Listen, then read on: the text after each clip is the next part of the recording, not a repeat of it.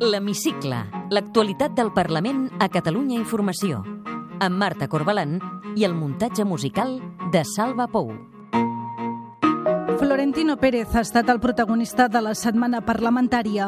Dilluns va compareixer a la comissió d'investigació sobre el fallit magatzem de gas Castor, que va causar diversos sismes a les Terres de l'Ebre i al País Valencià. Tot i que la constructora ACS, que presideix, va fer el magatzem, ell se'n va rentar les mans i no va assumir cap responsabilitat. Fins i tot va assegurar que la seva empresa hi va perdre diners. Benvinguts a l'Hemicicle.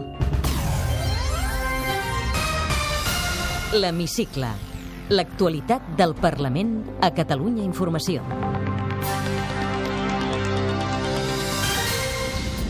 Florentino Pérez es va mostrar sorprès que la comissió el cités com a testimoni i assegurava que no van guanyar-hi res. Que hubiéramos podido vivir la empresa CS sin haber hecho esta obra, se lo digo de verdad, que aquí hemos perdido dinero. La diputada de la CUP, Maria Sirvent, va ser especialment dura amb ell. A usted nuestra vida no le importa absolutamente nada, solo le importa su bolsillo y su riqueza, no la gente. Tot i el dictamen en contra del Consell de Garanties Estatutàries, el govern portarà al ple de la setmana que ve el decret per limitar els preus dels lloguers. Meritxell Budó és la portaveu del govern. La voluntat del govern és portar-lo la setmana que ve al Parlament de Catalunya per la seva aprovació i en aquest sentit em consta que s'està treballant també amb les diferents formacions polítiques presents en el Parlament doncs, el suport per tal de garantir l'aprovació d'aquest decret llei.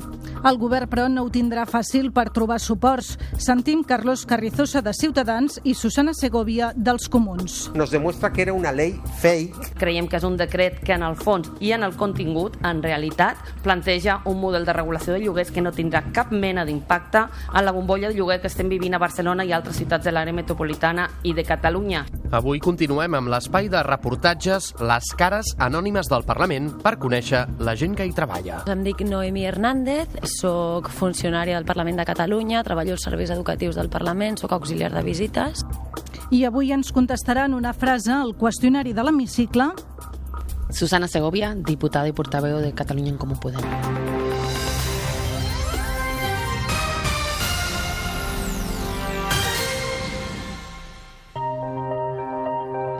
Entrem en matèria. Florentino Pérez va compareixer dilluns en qualitat de testimoni a la comissió d'investigació sobre el magatzem de gas Castor. El president de la constructora ACS es va expulsar qualsevol responsabilitat i va assegurar que no en sabia res d'aquest projecte de la seva empresa fins que va començar la cadena de sismes que van afectar les Terres de l'Ebre i el País Valencià. Ens ho explica l'Arnau Maimó. Florentino Pérez va dedicar bona part de la seva intervenció a intentar desmarcar-se del projecte. Només entrar a la comissió es va mostrar sorprès que l'haguessin citat a. Digo que me ha sorprendido un poco porque yo no he participado en nada de, esta. Esta es una, una obra que ha tenido una gran trascendencia, pero que en los cuatro años que ha durado representa el 1% de la facturación de nuestro grupo y, y yo no he intervenido en nada. Por lo tanto, pues poco les puedo ayudar, sinceramente. D'entrada, el president d'ACS no semblava gaire disposat a respondre a les preguntes dels grups i així ho va advertir el diputat socialista Jordi Terrades. Entiendo que va a responder a las preguntas que los grupos parlamentarios le vamos a, a efectuar. Uh, si es así, uh, no pregunto. A pocas, como lo he dicho, porque mm, yo no he intervenido en, Estaba tentado en para- ninguna gestión. Diputat Terrades té la paraula. Gracias, no para distensionar, pero no sabía si preguntarle sobre fichajes o sobre eh, la financiación, ¿no? A poc a poc, però, Florentino Pérez va acabar entrant en debat sense problemes amb tots els diputats. Especialment contundent va ser la diputada de la CUP, Maria Sirvent. Cada día usted tiene más negocio y tiene más sus garras puestas en la administración pública, aprovechándose de servicios y de bienes que son necesarios para el desarrollo de nuestra vida. Pero a usted, nuestra vida, no le importa absolutamente nada. Solo le importa su bolsillo y su riqueza, no la gente. L'empresari madrileny li responia que amb el Castor la seva companyia va perdre diners i que no ha cobrat ni un euro de la indemnització. Que hubiéramos podido vivir la empresa CS sin haber hecho esta obra, se lo digo de verdad. Que aquí hemos perdido dinero, porque con ese dinero que dieron, a pesar de eso, no se cubría el 100% de la deuda de los bonistas y de los y de los y de los este y del Banco Europeo de Inversiones. Amb la diputada de la CUP també hi va haver una enganxada pel cas Bárcenas. Tratos de favor, ayudas estatales absolutamente injustificadas, una alfombra roja para sus negocios, pero es que lo entendemos. El nombre de ACS apareció en los papeles del ex tesorero del PP, Luis Bárcenas, como una de las supuestas fuentes de financiamiento ilegal del Partido no es verdad, eso Popular. no es verdad. Usted dice cosas que no son verdad. Yo tengo mi turno, usted tiene el No son- suyo. Després de la intervenció de la CUP, el diputat del PP, Santi Rodríguez, es va queixar que alguns diputats aprofitin les comissions d'investigació per carregar contra els compareixents. La comisión de investigación y la comparecencia de las personas que han sido invitadas es para que, en todo caso, sean ellos los que nos expliquen las cosas y no nosotros explicarles a ellos lo que pensamos de ellos, eh, pues con eh, cada uno con nuestro criterio. El president d'ACS va minimitzar els efectes dels terratrèmols causats pel magatzem de gas i que van sacsejar les Terres de l'Ebre i el País Valencià a la tardor del 2013. El diputat de Ciutadans, Francisco Javier Domínguez, advertia que els danys haurien pogut ser greus. No ha pasado ninguna desgracia, pero podría haver pasado. Y sobre todo eso es lo que queda en la mente de las personas. Però més durs van ser el diputat dels Comuns, David Cid, la diputada de Junts per Catalunya, Mònica Sales, i la republicana Irene Fornós. Yo le recuerdo lo mismo que al señor Recadero. Usted está en una comisión de investigación del Parlamento de Cataluña y le recuerdo que es delito no ajustarse a la verdad. Lo digo porque usted ha dicho que no intervino en nada del proyecto Castor y justo antes ha habido la intervención, ah, en este caso, del, ah, ¿no? del ah, concejal de urbanismo del ayuntamiento, en este caso de Vinaros, que nos ah, informaba que estuvo reunido con usted. Es una vergüenza tener que escuchar no pasó nada. Pasan los años, pagamos de nuestros bolsillos y todo sigue igual. Pero ustedes deben dormir tranquilos mientras cada día desde la costa observamos aquella monstruosidad. Le quiero, en este caso, eh, trasladar que nos gustaría a la gente que somos del Terres del Ebre y del Maestral, los afectados directos de, de esta chapuza, que si por lo menos eh, nos pidiera eh, perdón. Florentino Pérez va acabar demanant disculpes a mitges perquè insistia a desvincular-se del projecte. Yo pido perdón por todo lo que haga falta, pero por lo que yo he hecho, pero no por lo que no he hecho. Yo sé que aquí me hablan del señor Piqué, de Clos, de, los conozco, pero nunca he hablado yo de este tema, nunca he hablado, jamás. Y yo comprendo que esto ha sido una desgracia. Florentino Pérez va començar amb el Castor, però va acabar parlant de la llotja del Bernabéu i de política. Referint-se al procés independentista, el president del Real Madrid es va mostrar decebut pel que ha passat a Catalunya. La llotja del Bernabéu també va ser protagonista quan la copaire Maria Sirvent li va exhibar que allà s'hi fan negocis i Florentino Pérez ho va negar. Yo le, le diría una frase que en este libro eh, Jordi Marsal hace, hace referencia a Jesús Gil y Gil y dice, el palco del Bernabéu es como las cacerías de Franco.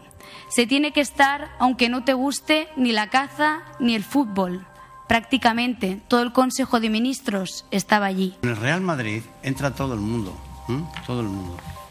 Los de Convergencia, los de la CUP, los de tal, la alcaldesa de Madrid, todo. Y allí no se hace ningún negocio.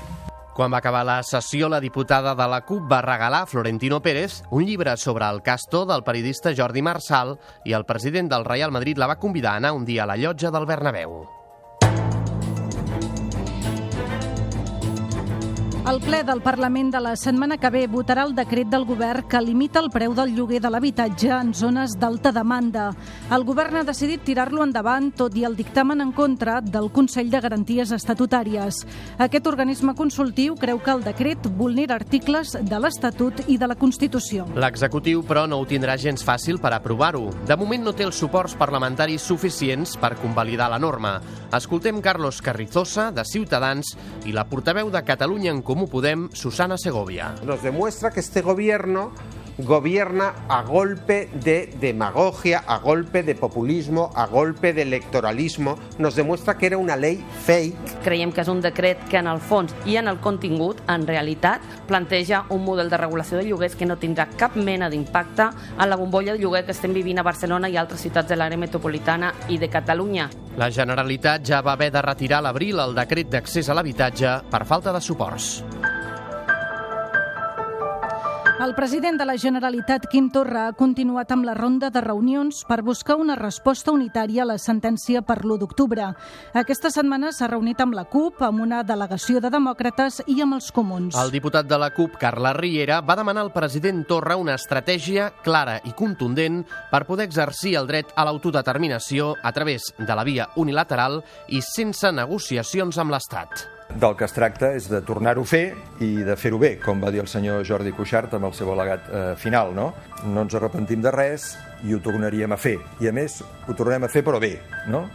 Els nous embats no es poden quedar en el terreny declaratiu o simbòlic, eh, sinó que s'han de materialitzar. La cap de files dels comuns, Jessica Albiach, va demanar a Torra que busqui una resposta tan transversal com sigui possible més enllà de l'espai sobiranista.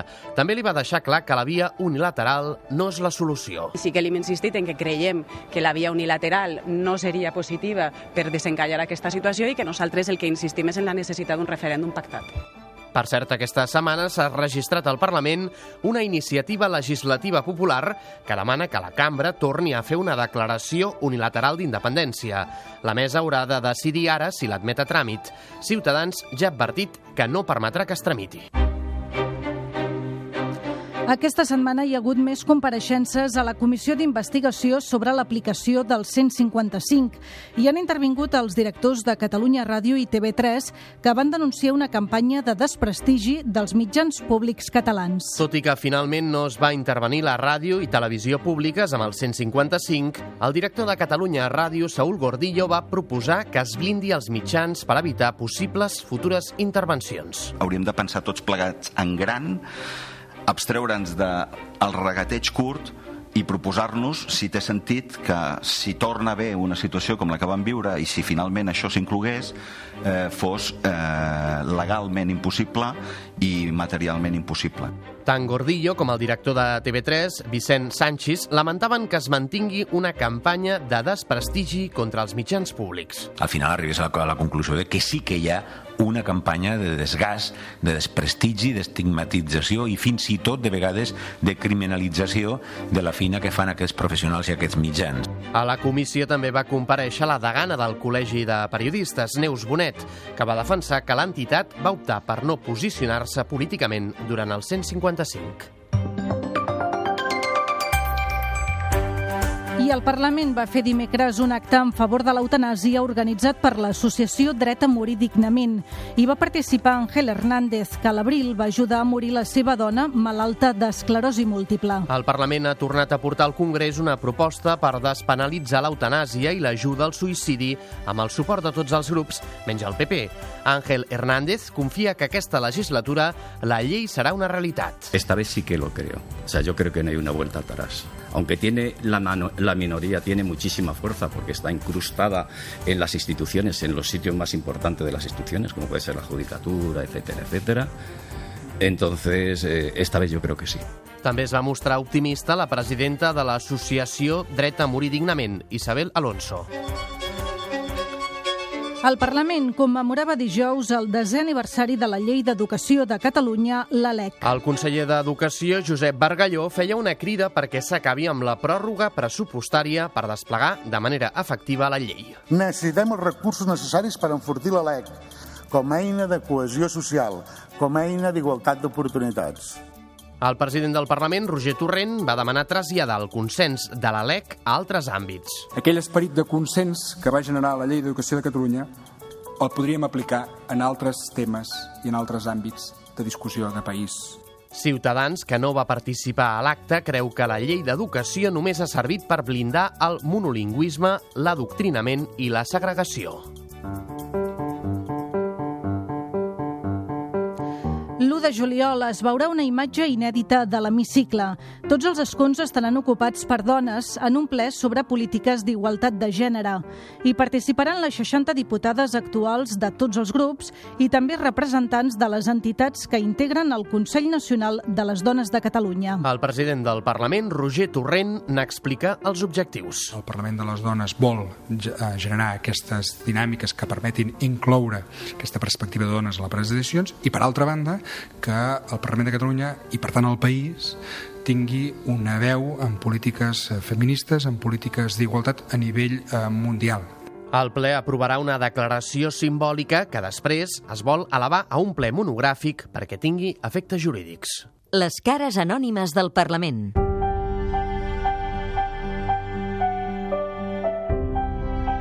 Em dic Noemi Hernández, sóc funcionària del Parlament de Catalunya, treballo als serveis educatius del Parlament, sóc auxiliar de visites, estic al Departament de Relacions Institucionals i tot just aquesta setmana fa 17 anys que treballo en aquesta casa. Nosaltres fem diferents eh, visites al Parlament de Catalunya, tenem tot tipus de públic, doncs fem visites des d'alumnes a partir de 5 de primària, alumnes de l'ESO, batxillerat, universitaris, atenem a persones individuals, venen estudiants d'arreu del món, visitants d'arreu del món que ens venen a, a veure. Si us plau, bon dia a tothom. Buongiorno. Quan va ser Parlament de Catalunya aquesta casa? Doncs mireu, va ser Parlament de Catalunya quan, en el, en el moment doncs, que es declara la Segona República, no? eh, després de les eleccions del 12 d'abril del 1931, es declara el 14 d'abril del 31, i doncs, Catalunya doncs, el que fa és eh, reclamar unes institucions d'autogovern. I es decideix que aquesta casa sigui Parlament. En realitat ho decideix en, en Macià, en Francesc Macià. Per què aquest edifici? Per la ubicació. I així comencem el 6 de desembre de 1932. Aquell dia es constitueix el Parlament per primer cop en aquesta casa i s'escull el nostre primer president del Parlament, que va ser el molt honorable senyor Lluís Companys. La república comença, juliol del 36 esclata la Guerra Civil Espanyola i el gener del 39, 26 de gener del 39, les tropes de Franco entren en aquesta ciutat.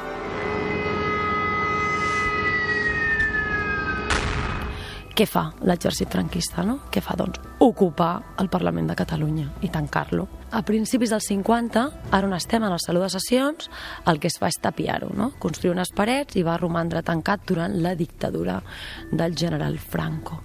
Aquest espai no es torna a obrir fins després, després de la mort del dictador. Senyores, senyors diputats de Catalunya, la primera sessió del Parlament de Catalunya queda oberta. Abans que en torni Tarradellas de l'exili, hi ha una reunió aquí, es tiren les parets de terra i es troben intacte aquest espai. En quan l'Estatut d'Autonomia s'aprova el 79, eh, ens hem de posar ràpid les piles perquè hi haurà eleccions el 20 de març de 1980 i per tant hem de tenir el Parlament preparat. Llavors és quan el Parlament eh, es recupera i el, el 10 d'abril de 1980 recuperem aquesta institució de nou. No? Vinga, adéu, gràcies, adéu, gràcies. Adéu, moltes gràcies. Arrivederci, grazie mille. Té la paraula Susana Segovia, diputada i portaveu de Catalunya en Comú Podem. Deixi'm començar amb el que ha passat a l'Ajuntament de Barcelona. Les bases del partit van entendre que Ada Colau acceptés ni que fos gratis els vots de Valls per ser investida? Crec que les bases dels comuns van votar i van entendre que el que per nosaltres és prioritari era mantenir l'alcaldia per poder continuar amb les polítiques de transformació que hem fet aquests primers quatre anys, perquè un segon mandat és fonamental perquè realment moltes d'aquestes polítiques no es puguin fer enrere. Creu que els passarà factura? I crec que tenim per davant quatre anys on la ciutadania de Barcelona veurà com s'aposta per Barcelona per posar les persones al centre i per superar la política de blocs i buscar grans acords de transformacions i d'esquerra. Per cert que la presidència de la Diputació està a les seves mans, no? Eh, per què es decantaran? Pels socialistes o per Esquerra Republicana? Seguiran una mica la línia que han optat per fer a l'Ajuntament? Nosaltres el que estem fent amb la Diputació i estem tenint converses amb tothom i a tothom els estem traslladant que una vegada més també hi ha una majoria d'esquerres molt més clara i que aquesta majoria d'esquerres pot ser complementària a les polítiques que es facin a Barcelona, a les que es facin a l'àrea metropolitana de Barcelona i ara mateix estem en converses amb tothom i estan tots els escenaris oberts. Nosaltres seguim apostant perquè un tripartit també podria ser possible a la Diputació de Barcelona. Un tripartit s'està referint a Esquerra, Comuns i PSC? Sí, sí, sí, un tripartit d'esquerra, sí. Què n'esperen de la sentència del Tribunal Suprem? Nosaltres esperaríem que la sentència s'ajusti al que hem pogut veure al judici, al que vam poder veure moltes de les persones que vam estar participant activament, que vam estar al carrer al setembre i a l'octubre del 2017, i és que ja no va haver ni cap delicte de rebel·lió ni cap delicte de sedició, que la prisió provisional està absolutament injustificada i nosaltres creiem que l'única sentència que s'ajustaria a aquesta realitat seria precisament l'absolució d'aquests càrrecs i la posada en llibertat dels presos i presos polítics. Dret a decidir, sí o no? Sí. Quina és la solució al conflicte polític que viu Catalunya, al seu parer? Passa molt per una solució política, la solució política passa molt precisament per poder exercir aquest dret a decidir. Un dret a decidir que ha de passar per un referèndum que ha d'estar acordat. Acordat ho vol tothom, però l'estat espanyol no respon a aquesta petició. Aquí s'ha de moure tothom, aquí s'ha de moure des de Catalunya. Nosaltres plantegem que ha d'haver-hi primer lloc un gran acord a Catalunya de quin ha de ser aquest referèndum i que hem d'anar-hi al màxim de forces possibles, que creiem que això és la sortida política, a parlar-ho i acordar-ho amb la resta de l'Estat, on és la primera vegada que tenim un grup al Congrés dels Diputats on, que defensa precisament aquest dret a decidir, que és un grup de l'àmbit estatal, no és un grup català només. Li recordo que Íñigo Errejón va dir textualment que eso le pillaba un poco lejos. Com els hi va sentar a vostès, això? Crec que les preguntes a vegades es fan en moments on tens el cap a la campanya municipal i en aquell moment és probablement que Íñigo Rejón estigués pensant massa en això. Responguin amb una paraula o amb una frase, si pot, aquestes qüestions. Un viatge pendent. Creuar Amèrica Llatina de dalt a baix. Un repte que encara no s'ha atrevit a fer. Creuar Amèrica Llatina de dalt a baix. Quin és el seu pitjor defecte? Tinc poca paciència i sóc molt tossuda. La millor virtut que vostè reconeix? Tinc un sentit de la justícia bastant fort i sóc molt persistent. Un record d'infantesa? Doncs que els professors sempre li deien a la meva mare que no callava mai a classe. Recorda el seu primer amor? Definim amor. Crec que he tingut uns quants primers amors en aquest sentit. L'última pel·lícula que ha vist? Alguna infantil. Hotel Transilvània 3 i sèries a Netflix. I l'últim llibre que ha llegit? Vernon Subutex. Té una vocació frustrada? Sí, ser percussionista. Una cosa que vostè no oblida mai justament quan surt de viatge? Els llibres. Ah, en aquest cas, el llibre electrònic. Tornem a l'amor. Creu en l'amor a primera vista? Creia. Algun pecat confessable? Sí, m'agradava molt el bon vi i el bon formatge. Completi aquesta frase. El que més m'agradaria del món és que la meva filla visqui un futur feminista, que pugui sortir al carrer sense tenir por i que les seves oportunitats com a dona siguin exactament iguals que les dels seus amics de classe ara a tercer. Gràcies. Gràcies a vosaltres. I amb l'entrevista acabem la temporada i ens acomiadem de l'hemicicle fins després de l'estiu. Us deixem amb un fragment del concert que ha ofert el cor del Parlament, format per treballadors de la cambra, per celebrar Sant Joan i l'arribada de l'estiu. Oh.